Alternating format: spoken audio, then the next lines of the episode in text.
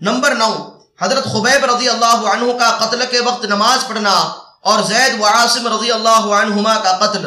احد کی لڑائی میں جو کافر مارے گئے تھے، ان کے عزیزوں میں انتقام کا جوش زور پر تھا۔ سلافہ نے جس کے دو بیٹے اس لڑائی میں مارے گئے تھے، منت مانی تھی کہ اگر عاصم کا، جنہوں نے اس کے بیٹے قتل کیے تھے، سر ہاتھ آ جائے، تو اس کی کھوپڑی میں شراب پیوں گی۔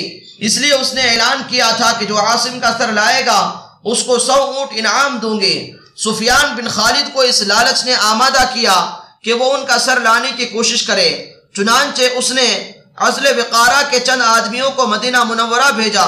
ان لوگوں نے اپنے کو مسلمان ظاہر کیا اور حضور اقدس صلی اللہ علیہ وسلم سے تعلیم و تبلیغ کے لیے اپنے ساتھ چند حضرات کو بھیجنے کی درخواست کی اور حضرت عاصم رضی اللہ عنہ کے بھی ساتھ بھیجنے کی درخواست کی کہ ان کا وعظ پسندیدہ بتلایا۔ چنانچہ حضور صلی اللہ علیہ وسلم نے دس آدمیوں کو اور بعض روایات میں چھ آدمیوں کو ان کے ساتھ کر دیا، جن میں حضرت عاصم رضی اللہ عنہ بھی تھے۔ راستے میں جا کر ان لے جانے والوں نے بدعہدی کی اور دشمنوں کو مقابلے کے لیے بلایا، جو دو سو آدمی تھے۔ اور ان میں سے سو آدمی بہت مشہور تیر انداز تھے۔ اور بعض روایات میں ہے کہ حضور صلی اللہ علیہ وسلم نے ان حضرات کو مکہ والوں کی خبر لانے کے لیے بھیجا تھا۔ راستے میں بنو لحیان کے دو سو آدمیوں سے مقابلہ ہوا۔ یہ مختصر جماعت دس آدمیوں کی یا چھ آدمیوں کی یہ حالت دیکھ کر ایک پہاڑی پر، جس کا نام فد فد تھا، چڑھ گئی۔ کفار نے کہا کہ ہم تمہارے خون سے اپنی زمین رنگنا نہیں چاہتے۔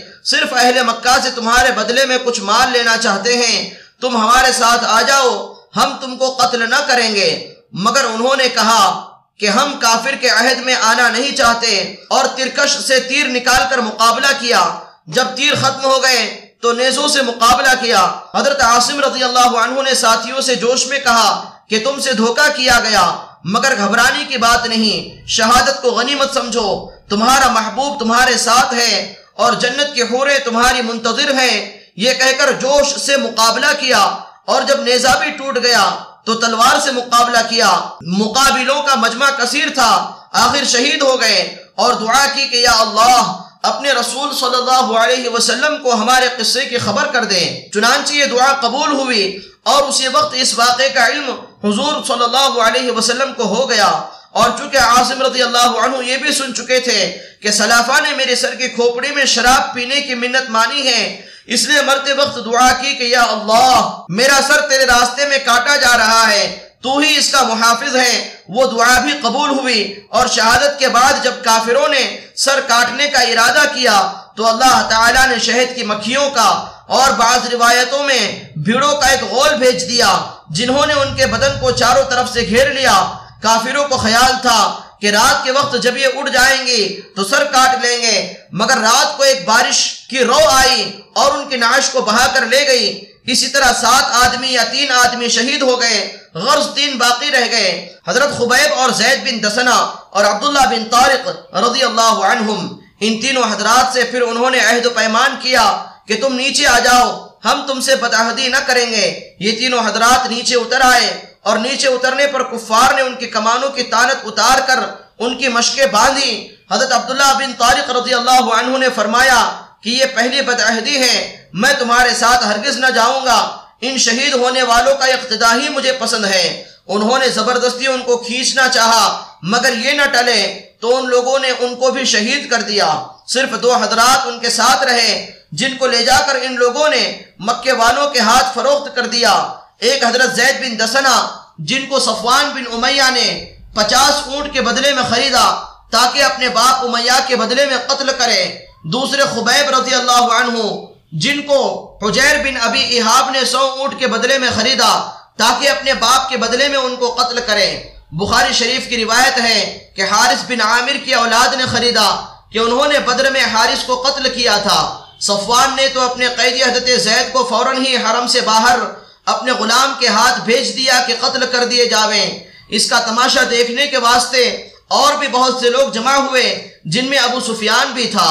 اس نے حضرت زید سے شہادت کے وقت پوچھا کہ اے زید، تجھ کو خدا کی قسم سچ کہنا، کیا تجھ کو یہ پسند ہے کہ محمد کی گردن تیرے بدلے میں مار دی جائے اور تجھ کو چھوڑ دیا جائے کہ اپنے اہل و عیال میں خوش و خرم رہے؟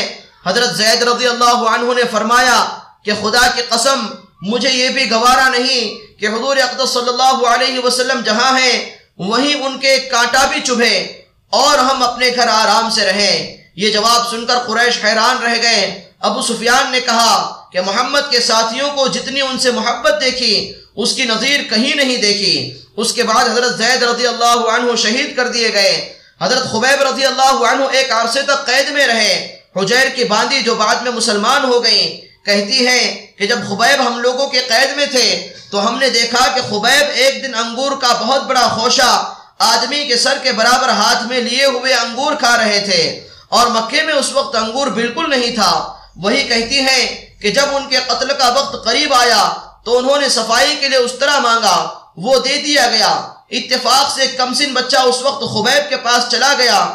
ان لوگوں نے دیکھا کہ اس طرح ان کے ہاتھ میں ہے اور بچہ ان کے پاس یہ دیکھ کر گھبرائے۔ خبیب نے فرمایا، کیا تم یہ سمجھتے ہو کہ میں بچے کو قتل کر دوں گا؟ ایسا نہیں کر سکتا۔ اس کے بعد ان کو حرم سے باہر لایا گیا اور سولی پر لٹکانے کے وقت آخری خواہش کے طور پر پوچھا گیا کہ کوئی تمنا ہو تو بتاؤ۔ انہوں نے فرمایا کہ مجھے اتنی مہلت دی جائے کہ دو رکعت نماز پڑھ لوں کہ دنیا سے جانے کا وقت ہے۔ اللہ جل شانہ کی ملاقات قریب ہے۔ چنانچہ مہلت دی گئی۔ انہوں نے دو رکعتیں نہایت اطمینان سے پڑھی اور پھر فرمایا کہ اگر مجھے یہ خیال نہ ہوتا کہ تم لوگ یہ سمجھو گے کہ میں موت کے ڈر کی وجہ سے دیر کر رہا ہوں، تو دو رکعت اور پڑھتا۔ اس کے بعد سولی پر لٹکا دیے گئے۔ تو انہوں نے دعا کی کہ یا اللہ، کوئی ایسا شخص نہیں ہے جو تیرے رسول پاک صلی اللہ علیہ وسلم تک میرا آخری سلام پہنچا دے۔ چنانچہ حضور صلی اللہ علیہ وسلم کو بذریع وحی اسی وقت سلام پہنچایا گیا۔ حضور صلی اللہ علیہ وسلم نے فرمایا، وعلیکم السلام یا خبیب. اور ساتھیوں کو اطلاع فرمائی کہ خبیب کو قریش نے قتل کر دیا۔ حضرت خبیب رضی اللہ عنہ کو جب سولی پر چڑھایا گیا، تو چالیس کافروں نے نیزے لے کر چاروں طرف سے ان پر حملہ کیا اور بدن کو چھلی کر دیا۔ اس وقت کسی نے قسم دے کر یہ بھی پوچھا کہ تم یہ پسند کرتے ہو کہ تمہاری جگہ محمد کو قتل کر دے اور تم کو چھوڑ دے، انہوں نے فرمایا، واللہ العظیم، مجھے یہ بھی پسند نہیں کہ میری جان کے فدیے میں ایک کانٹا بھی حضور کے چبھے۔ فائدہ، ویسے تو ان قصوں کا ہر ہر لفظ عبرت ہے، لیکن اس قصے میں دو چیزیں خاص طور سے قابل قدر، قابل عبرت ہیں۔ ان حضرات کی نبی کریم صلی اللہ علیہ وسلم کے ساتھ محبت و عشق کہ اپنی جان جائے اور اس کے بدلے میں اتنا لفظ کہنا بھی گوارا نہیں کہ حضور صلی اللہ علیہ وسلم کو کسی قسم کی تکلیف معمولی سی بھی پہنچ جائے۔